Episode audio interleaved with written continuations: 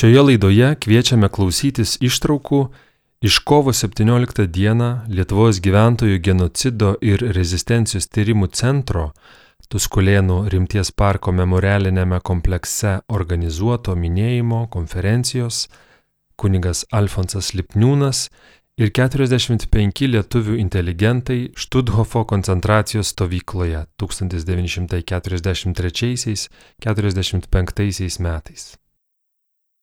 Gerbėmi ponai ir ponios. 1943 m. kovo 16-17 dienomis Gestapo suimti 46 lietuviai pakeliui į koncentracijos stovyklą spėjo pabuvoti keturiuose Kauno, Tilžės, Karaliaučiaus, Marienburgo kalėjimuose. 1943 m. kovo 25 d. jie pasiekė Štuthofo. Čia buvo įregistruoti koncentracijos stovyklos politinių tinėme skyriuje, pažymėti numeriais ir gavo raudonus politinio kalinio trikampius su raide L viduryje. Pragarų vartai buvo peržengti ir prasidėjo kasdieninis kalinio gyvenimas - mušimai, žudynės, sekinantis darbas, badas, lygos ir nuolatinės grumtynės su mirtimi. 2000, 2000 metais didžiojo krikščionybės jubiliejus proga popiežius Jonas Paulius II į 20-ojo amžiaus kankinių sąrašą įtraukė ir kuniga Alfonsą Lipniūną. 2006 metais Panevežyje, Panevežio viskupijoje pradėta Alfonso Lipniūno betifikacijos byla. Taigi, brangieji, šiandieną Lietuvos ir gyventojų genocido rezistencijos tyrimo centras sukvietė visus į konferenciją. Paminėjimą su tokia rubrika. Kunigas Alfonsas Lipniūnas ir 45 lietuvių inteligentai Štutgofo koncentracijos stovykloje 1943-1945.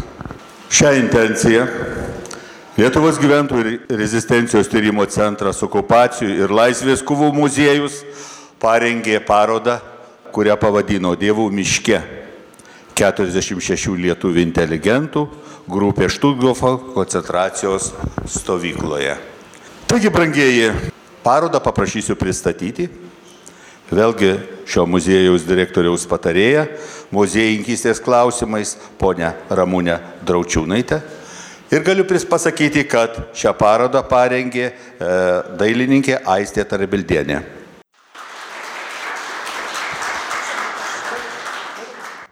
Labadiena gerbiami svečiai, šios konferencijos minėjimo dalyviai. Parodos Dievų miške 46 lietuvių inteligentų grupė Štutgofo koncentracijos stovykloje stenduose nuosekliai išdėstomi istoriniai faktai nuo nacistinės okupacijos Lietuvoje pradžios 1941 m. birželį Iki Štutgofo koncentracijos stovyklos evakuacijos 1945 m. sausį ir mirties žygio, kurio daugelis kalinių dėja nebaigė. Iš 46 1943 m. kovo 16-17 d. suimtų iškilių lietuvių 11 nebesugrįžo.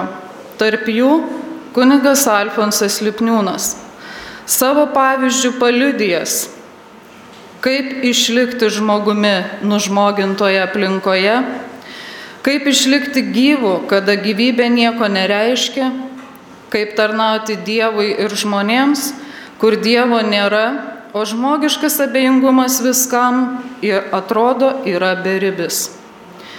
Labai viliuosi, kad ši paroda, keliaudama per Lietuvos švietimo ir kultūros įstaigas, ne tik primins istorinį faktą apie 46 iškilių lietuvių grupę nacijų išvežtą iš Tutgofo koncentracijos stovyklą, bet šių dienų įvykių kontekste leis aiškiai suvokti, kad turime išlikti budrus ir pasiruošę ginti pamatinės vertybės, kad dar kartą netektų patirti kraštą ir žmonės naikinančios okupacijos. Noriu padėkoti Lietuvos archyvų, muziejų, kitų kultūros ir švietimo įstaigų darbuotojams, kurie atsiliepė į mano prašymą, ieškojo ir siuntė įvairią vaizdinę medžiagą. Ypatingai dėkoju Štutgofo muziejaus darbuotojai poniai Danutai Drivai už Štutgofo koncentracijos stovyklos fotografijas, dokumentus ir schemas. Kunigui Vitalijui Kodžiui už pasidalinimą gausia su kunigu Alfonsu Lipniūnu susijusią medžiagą. Dailininko Arūno Tarabildos artimiesiems, kurie surado ir vizualiniam parodos dizainui leido naudoti dar 1961 metais sukurtas iliustracijas Lino raižinius, kuriais buvo iliustruota Balius Ruogos knyga Dievų miškas.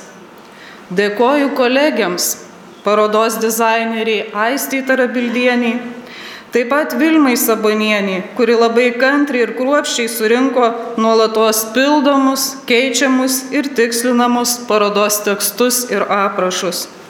Dėkoju Jums visiems susirinkusiems į konferenciją minėjimą ir parodos Dievų miške 46 lietuvių inteligentų grupė Štutgofo koncentracijos stovykloje atidarimą. Ačiū ir visiems linkiu prasmingos konferencijos.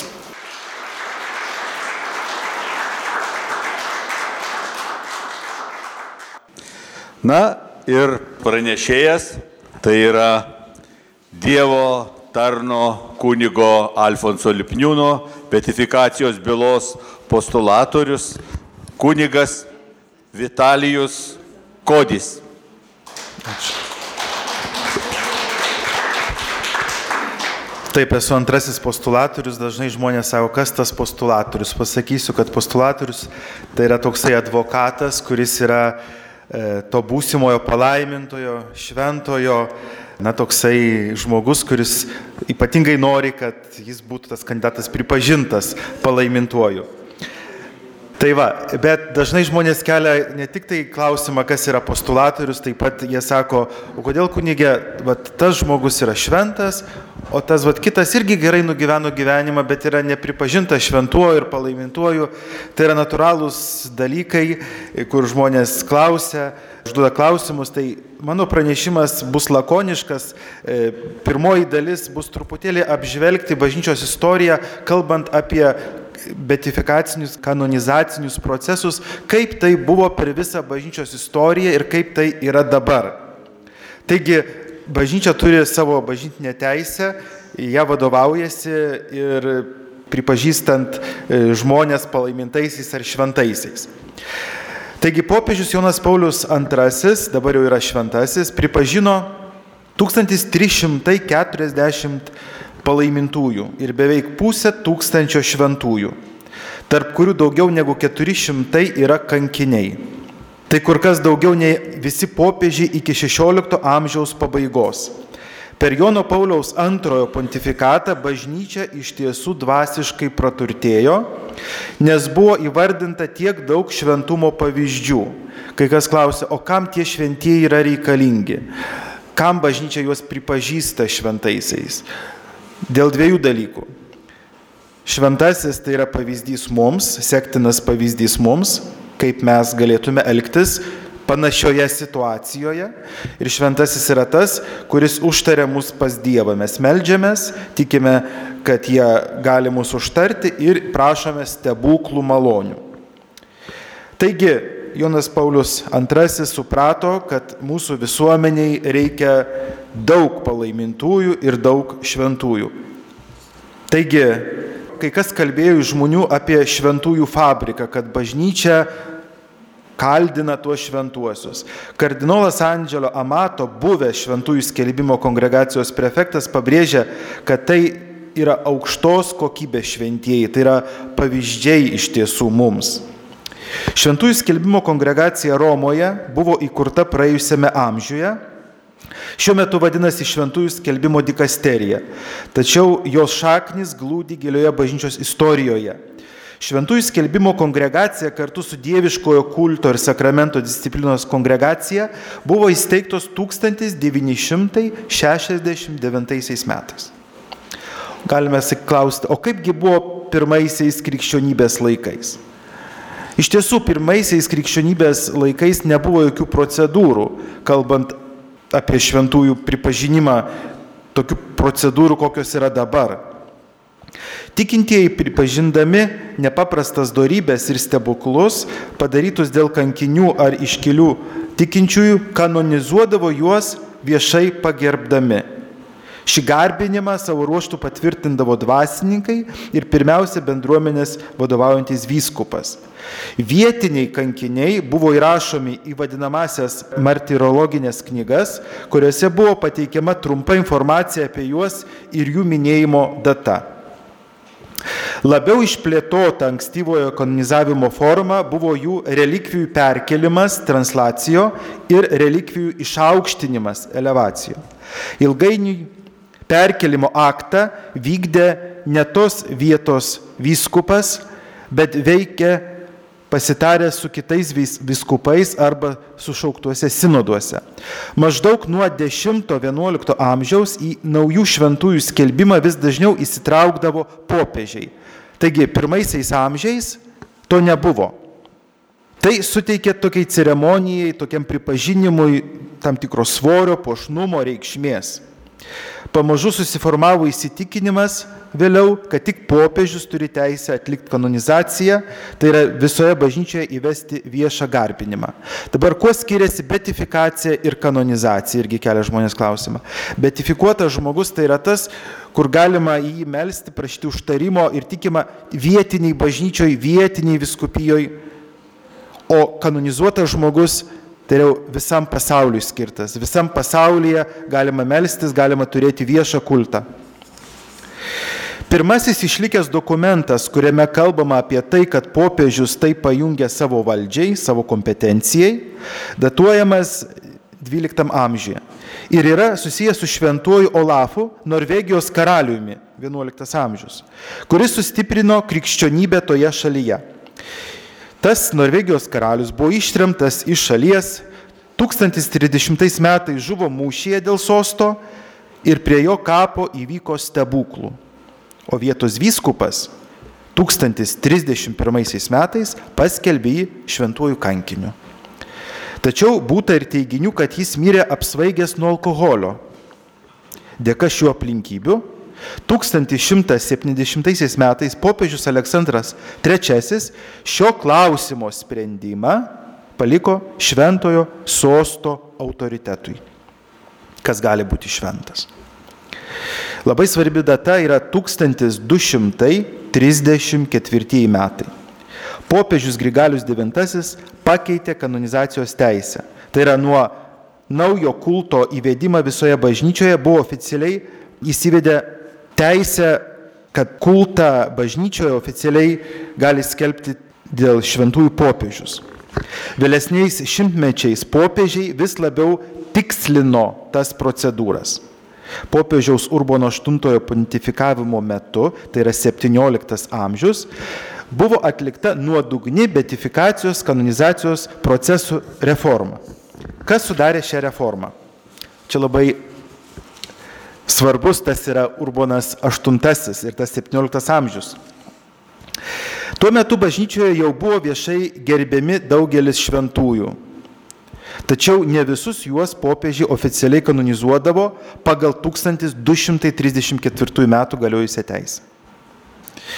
Taigi Urbonas VIII popiežius 1625 metais jo nurodymu Šventosios inkvizicijos kongregacija išleido dekretą, kurio uždraudė viešai garbinti formaliai nebetifikuotus ir nekanonizuotus asmenis. Kitaip tariant, Jeigu nėra popiežiaus bulės, toks palaimintasis, toks šventasis nėra nei betifikuotas, nei kanonizuotas. Turi būti popiežiaus bulė. Kartu šis dekretas nebuvo taikomas vadinamiesiems buvusiems palaimintiesiems arba šventiesiems, kurių garbinimas vyko remintis bendru bažnyčios pritarimu, kilo iš bažnyčios tėvų ar šventųjų asmenų raštų, vyko su šventojo sosto sutikimu ar žinia, arba su vietos ordinarų sutikimu ar žinia. Taigi, minėto popiežiaus Urbono VIII dekreto netaikymo sąlyga buvo kultas kuris buvo nuo neatmenamų laikų, pirmųjų amžiaus, ypatingai kankiniai. Ką konkrečiai tai reiškia? Urbono dekretais buvo nustatyta, kad tie, kurie buvo gerbiami kaip šventieji ar palaimintieji iki 1534, tai yra šimtas metų iki Urbono VIII brevės gali būti ir toliau garbinami. Tačiau šimtas metų iki brevės ir vėliau, norint pradėti betifikaciją ar oficialią kanonizaciją, pirmiausia reikia įrodyti, kad tokia pagarba iš tikrųjų egzistavo. Ir šiuo metu yra pasaulyje tokių šventųjų, kurie yra laikomi šventaisiais, tačiau nėra popiežiaus bulės keliant į altoriaus garbę asmenys, kurių kultas susiformavo po tos datos 1534 metų, jau galiojo naujieji teisės aktai. Ir mes Lietuvoje taip pat 2018 metais turime palaimintąjį Mykolą Gedraitį. Vat jam jis taip pat buvo laikomas palaimintuoju, tačiau 2018 metais buvo oficialiai sutvarkytas procesas. Taigi, neįteisintas viešas kultas būtų kliūtis juos iškelti į altoriaus garbę. Romos kurie senojo kulto atveju reikalaudavo, kad viskupai pateiktų atitinkamus tokio kulto egzistavimą patvirtinančius dokumentus, kuriuos patikrinus jie oficialiai patvirtindavo jau vykstantį kultą. Toks patvirtinimas įvyko daugumos Lenkijos palaimintojų atveju. Pavyzdžiui, 1690 metais buvo patvirtintas Kingos kultas. Vėliau, remiantis šiuo patvirtinimu ir įrodžius jų darybių heroiškumą, 20-ame amžiuje jie buvo kanonizuoti. Ar panaši tvarka taikoma ir šiandien, galime klausti. 17 amžiuje Urbono VIII pontifikatas davė pradžią tam tikroms oficialioms procedūroms. Nuo tada galima visiškai kalbėti apie kanonizacijos institutą. Vėlesni popiežiai iškilus naujoms abejonėms ar problemoms tengiasi e, tą teisę, bažnyčios teisę tobulinti. Tam įtakos turėjo ir mokslo, ypač istorijos mokslo raida XIX-XX amžiuje, jų metodologija Net ir dabartinėje bažnyčios praktikoje šiandien galimas toks kulto patvirtinimas. Reiškia, yra kultas, bet nėra popiežiaus bulės. Tada reikia ją gauti. Taigi 20-ojo amžiaus kanonizacijos procedūrą taip pat reformavo ir popiežius Jonas Paulius II, iš ko susidėjo popiežiaus reforma Jono Pauliaus antrojo. Visų pirma, tai buvo didžiulis procedūrų pagreitinimas. Dabar sako žmonės, irgi tenka girdėti, kad labai ilgai trunka tie procesai, bet anksčiau tie procesai truko dar ilgiau. Taigi, mat iki popiežiaus Jono Pauliaus antrojo reformos galiojo du procesai. Pirma, viskupijos lygmenių vyko vadinamasis šventumo garso procesas, kuris kartais užtrukdavo keliolikos metų, kai viskupijos lygmenių šventumo garsas būdavo pažįstamas pakankamas, pakankamai, dokumentai buvo siunčiami į Romos kuriją, ten vėl vyko procesas. Ir antrasis taip pat buvo. Kol vyko kitas procesas, kurio metu buvo renkami šventumo įrodymai, daugiausia liudytojų parodymai, šie liudytojai dažnai jau būdavo mirę. Todėl popiežius nusprendė Jonas Paulius II, kad viskupijoje bus rengiamas tik vienas teismo procesas abiem klausimais. Tai yra ir dėl šventumo garso, ir dėl šventumo įrodymo. Kitas svarbus pakeitimas įvestas popiežiaus Jono Pauliaus II apaštališkąją konstituciją Divinus Perfekcionis Magister 83 metų buvo tas, kad nuo šiol teismą vykdo tos vietos viskupai pagal savo įgaliojimus vietos vyskupas yra kompetitingas spręsti, pradėti kažkam betifikacijos bylą ar ne. Koks vietos vyskupas? Ten, kur kandidatas mirė, toje vietoje. Todėl ir Lipniūno atveju, Lipniūnas mirė Lenkijoje, Gdansko arkiviskupijoje, buvo kompetingas pradėti bylą Gdansko vyskupas. Tačiau jisai leido, sutiko, kad pradėtų panevežys, gimtoji viskupija. Apaštalų sostas visą tą procesą patvirtino, perleido teisinę kompetenciją Lietuvai. Kita vertus, šventasis sostas taip pat dabar išduoda nihiliopsta, tai yra ne sutikimą vykdyti procesą, kas anksčiau buvo, bet patvirtinimą, kad nėra kliučių pradėti. Taip pat yra ne tik tai postulatorius, bet taip pat yra ir relatorius. Kas yra relatorius? Relatorius tai yra žmogus, kuris prižiūri procesą Romoje. Ir postulatorius, ir relatorius turi dirbti kartu. Romoje. Kai viskupijoje baigiamas pirmasis proceso etapas, tai yra šiuo metu taip yra, tai yra surinkus visą medžiagą ir išsiuntus ją į Romą, prasideda antrasis proceso etapas - pateiktų dokumentų sisteminimas ir pozicijos rašymas. Kunigo Alfonso Lipniūno byla pradėta 2006 metais. Panevežė viskupijoje, jinai buvo užbaigta 2021 metais, tai yra netruko 16 metų. Pirmasis etapas. Nuo 21 metų jinai persikėlė į Romą. Šiuo metu taip pat esu Romoje, kuris ir rašau pozicijo darbą, kuris bus tyriamas istorikų, teologų, kardinolų komisijos Romoje. Taigi, remintis dokumentais ir liudytojų parodymais, vadovaujant relatoriams, sudaromas vadinamasis pozicijo, kaip sakiau, įrodymų visuma arba dėl atinkamo kandidato darybių heroiškumo arba dėl jo kankinystės. Girdime žodį kankinystė, heroiškumas, kas čia tokio? Keturi būtai tapti palaimintaisiais arba šventaisiais. Pirmasis yra kankinystės, pasirenkamas kelias, jeigu žmogus dėl tikėjimo mirė, gyvenimo paukojimas. Jeigu, pavyzdžiui, moteris gimdo, žino, kad mirs, bet vis tiek gimdo vaiką ir miršta. Herojiškos darybės, kažkas ypatingai nemirė kaip kankinys, bet ypatingai pasižymėjo darybėmis, trečiasis būdas ir ketvirtasis būdas tai yra tapti palaimintuoju, tai bylos ekvipolente. Kaip sakiau, vat, būtent vat, šventoji kinga, kur buvo laikoma šventaja, bet buvo kultas, bet nebuvo popiežiaus brevės dokumento. Taigi, šiame etape, Romos etape, relatoriai ne tik nurodo, kaip reikėtų parengti pozicijo, bet ir privalo suvokti visus galimus sunkumus. Ir kartu su pozicijo rašytoju, tai yra su postulatorium, bandyti sunkumus išaiškinti Jis negali duoti sutikimo relatorius tolesniam procedūros etapui, jei yra byloj kažkokių tai abejonių, reikia viską išaiškinti, kad kai vyks kanonizacija ar betifikacija, kas nors neteitų su dokumentu, nesakytų, štai aš turiu įrodymą, kad jis nėra šventas. Reikia viską išaiškinti. Popiežiaus konstitucijoje pabrėžiamas reikalavimas, kad relatoriai būtų ne tik teologai, bet ir bažnyčios istorikai. Tai svarbus reformos momentas dėl medžiagos, su kuria relatoriams tenka susidurti savo darbe, ypač istoriniais klausimais, kai dėl laiko atstumo nebėra liudytojų parodymų. Todėl byla turi būti pradėta geriausiai, geriausiai 30, iki 30 metų po žmogaus mirties, iki 30 metų. Gali būti pradėta vėliau, tada reikia įrodyti, o kodėl vėliau pradėta. Lipniūno atveju Lietuvoje buvo sovietmetis ir nieks negalėjo sovietmečių pradėti betifikacijos procesą. Todėl betifikacijos byla pradėta 2006 metais.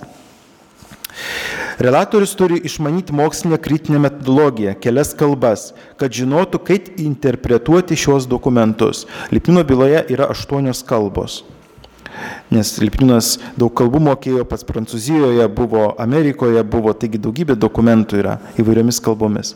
Vadinasi, reikalingos plačios istorinės, teisinės kalbos žinios, teologinės žinios.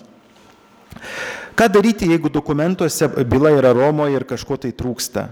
Tuomet dikasterija svarsto, ką galima daryti, kaip reikėtų apseiti, Kaip reikėtų elgtis? Jei nusprendžia, kad dokumentas būtinas, tuomet viskupijos, kurioje vykdo, vyko procesas, prašoma papildyti arba patikslinti pateiktą medžiagą. Visiškai išimtinais atvejais visa dokumentacija gali būti gražinama viskupijai, kad ji atliktų naują tyrimą. Kai Lipnino byla pasiekė Romą 21 metais, e, gavome per du mėnesius dokumentą iš kardinolo, kad dokumentacija yra gerai Lietuvoje padaryta. Postulatorius atstovaujantis šaliai, siekiančiai iškelti kandidatą į altoriaus garbę Romoje, padeda relatoriui išaiškinti visus pastebėtus sunkumus. Paprastai tai būna viskupija arba religinis ordinas, labai retai pavieni asmenys. Daug kas priklauso nuo postulatorius dalyvavimo ir įgūdžių. Jis yra svarbi figūra visoje betifikacijos procedūroje. Postulatoriaus užduotis prižiūrėti poziciją, tai yra savotiškos sintezės apie kandidatų į altoriaus garbę gyvenimo ir veiklos heroiškumą parengimą. Ši pozicija, tas dokumentas tai vadinasi, kuri gali būti kelių tomų apimties, prireikus perdudama istorikų konsultantams iš įvairių mokslo institucijų. Jų užduotis atidžiai perskaityti visą pateiktą medžiagą ir pateikti nuomonę, kritinę nuomonę, ar surinkti visi reikalingi dokumentai, ar tie dokumentai yra patikimi, ar gerai parengti ir galiausiai rem, remdamasi taip surinkta ir parengta medžiaga, teologų komisija gali laisvai pasisakyti dėl, dėl pateikto asmens šventumo. Kas bus toliau? Kiekviena byla perdudama šventųjų bylų dikasterijos paskirtai teologų komisijai. Pirmiausia, istorikų komisija, paskui teologų komisija, kuri turi atsakyti tik į vieną klausimą. Ar tikrai pakanka argumentų pripažinti aptariamo kandidato šventumą? Jei du trečdaliai teologų išreiškia palankę nuomonę, nes vyksta balsavimas, byla perdudama kardinolų viskupų sprendimui eilinėme susirinkime, kuriam pirmininkauja prefektas. Kardinolas prefektas šio susirinkimo rezultatus praneša popiežiui, kuris leidžia paskelbti dekretą apie kandidato darybių heroiškumą arba kankinystę arba stebuklą padaryta užtariant kandidatui.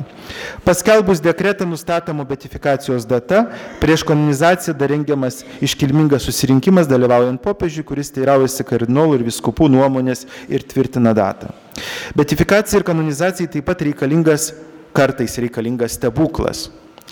Jeigu kankinys, betifikacijai stebuklo nereikia, kanonizacijai jau reikia. Betifikacijos atveju kaip sakiau, stebuklas yra reikalingas, jeigu kažkas paskelbiamas dėl darybių. Kanonizacijos atveju stebuklas yra reikalingas ir jeigu žmogus eina kaip kankinys, jei dėl darybių ir jeigu dėl gyvenimo paukojimo. Skelbiant stebuklus taikoma panaši tyrimo procedūra. Tik vietoj istorikų konsultuojamasi su gydytojais. Vis tai labai sudėtinga reikalauja daugelio žmonių dalyvavimo. Viename procese jau viskupijos lygmenį dalyvauja iki kelių dešimčių žmonių. Šventųjų bylų dikasterijos tyrimo etape panašiai. Daug kas priklauso nuo to, kas buvo kandidatas į palaimintuosius, šventuosius ir kokiomis sąlygomis jis ar jį veikia, kokiuose pareigose dirbo. Bet dikasterijos darbuotojai dažnai kviečiami įvairius ryčių specialistai. Vertinga gali būti ir psichologų ar kitų įvairių specialistų pagalba. Tiek gyvenimo didvyriškumo, tiek kankinystės pripažinimui reikia daug ir kartais sudėtingų, ilgai trunkančių tyrimų. Taigi, kad asmuo būtų pripažintas kankiniu, reikia nustatyti trys pagrindinės sąlygas. Pirmoji sąlyga Mirtis turi būti nulemta dėl tikėjimo. Mirtis iš tiesų turi įvykti. Galim, gali kelti nuostabą, nu kaip čia dabar. Ir trečias dalykas, mirtis turi būti savarankiškai priimta. Taigi kunigo Alfonso Lipniūno atveju, aš manau, taip ir buvo. Jisai savo dienoraščiuose rašė, kad aš kenčiu dėl Dievo, aš nenoriu būti tas žmogus, kuris politikuoju, bet aš tas esu žmogus, kuris savo gyvenimą noriu paliūdyti Kristų ir dėl Kristaus numirti.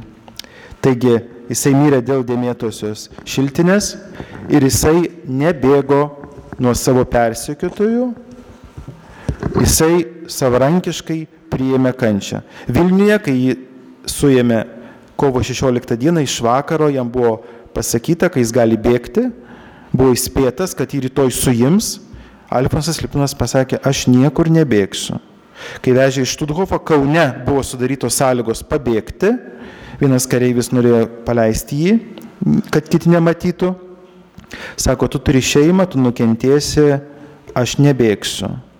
Kitaip tariant, jisai buvo pasirengęs kentėti ir iš tikrųjų priimti kančią. Taigi visų šių aspektų tyrimas turi būti atliekamas visa, visapusiškai ir integraliai. Kelias į moralinį tikrumą kartais gali būti sunkus, sudėtingas ir ilgas. Desperatiškas mėtymasis į mirtį gali būti laikomas priešiškumu mažų mažiausiai jį reikėtų atidžiai nuodugniai ištirti ir pasitelkiant visas šiandien mums prieinamas žinias. Iš tiesų yra daug sudėtingų situacijų, kurias reikia išspręsti. Net pats faktas, kad mirtis iš tiesų įvyko, gali būti sunkiai išsprendžiama problema. Pavyzdžiui, Situacija iš, iš Ispanijos pilietinio karo. Viename kaime jaunas kunigas buvo išvestas iš savo šeimos namų ir kartu su grupe kitų kaimo gyventojų buvo vedamas sušaudyti. Liudininkai paskutinį kartą jį matė kaip tik išeinant iš namų. Po to apie jį niekas nieko negirdėjo. Tik matė, kad išėjo iš namų. Niekas nematė jo sušaudyto. Bendruomeniai pradėjus studijuoti medžiagą susijusią su šio kaimo kankiniais kilo abejonių. Mačiam kunigų galėjo būti įvykdyta mirties bausmė, tačiau jis taip pat galėjo stoti revoliucijos pusėn ir kankintojai galėjo jį paleisti, o dabar jam būtų apie 90 metų ir būtų kanonizuotas, betifikuotas. Taigi buvo daug nežinomųjų, todėl buvo nuspręsta egzumuoti lavoną, atlikdami ar tyrimus, nes šio kunigo šeima vis dar buvo gyva. Tačiau tarp sušaudytojų buvo rasti tik senelių ir vaikų skeletai, jaunuolio nebuvo, todėl dikasterija nurodė tęsti paiešką. Ar buvo rasta kokiu nors pėdsaku, dėje nieko nerasta, kunigas buvo išbrauktas iš minėtos kankinių grupės. Visada reikia didelio tikrumo Yra buvęs, buvę atveju, kai paaiškėdavo, kad kandidatas į, altorius, į, į altoriaus garbę, kankinys už tikėjimą, po kurio laiko buvo rastas kažkokioje, pavyzdžiui, stovykloje gyvas. Todėl kiekviena situacija reikalauja kruopštaus patikrinimo, analizės, tyrimo. Kai mes tyrinėjame kankinius šventuosius, kurie gyveno prieš šimtą metų, prieš penkidešim metų viskas aišku, bet yra tokių šventųjų, kurie gyveno prieš dešimt metų, prieš dvidešimt metų. Štai kodėl kanonizacijos procesai kartais užtrunka taip ilgai. Bet kanonizacija ar betifikacija jokių būdų tai nėra biletas į dangų. Taigi, baigiant savo trumpą, lakonišką pranešimą, noriu padėkoti visiems už kantrybę. Noriu paprašyti, kad melstumėmės, prašytume Dievo, kad kunigas Alfonsas Lipinas mūsų užtartų ir kad Lietuva tikrai turėtų naują į palaimintai, iš kurio turėtų džiaugtis ir bažnyčia, e, ir Lietuvos valstybė, nes kunigas Alfonsas Lipniūnas iš tiesų mylėjo Dievą savo kasdienybėje per realius darbus, o ne tik žodžiais. Ačiū. Dėkojame postulatoriai kunigui Vitalijui Kodžiui už pranešimą dabar žinosim. Laidoje girdėjote ištraukas iš minėjimo konferencijos Kuningas Alfonsas Lipniūnas ir 45 lietuvių inteligentai Štuthofo koncentracijos stovykloje 1943-45 metais kurią kovo 17 dieną Tuskulėnų rimties parko memorialinėme komplekse organizavo Lietuvos gyventojų genocido ir rezistencijos tyrimų centras.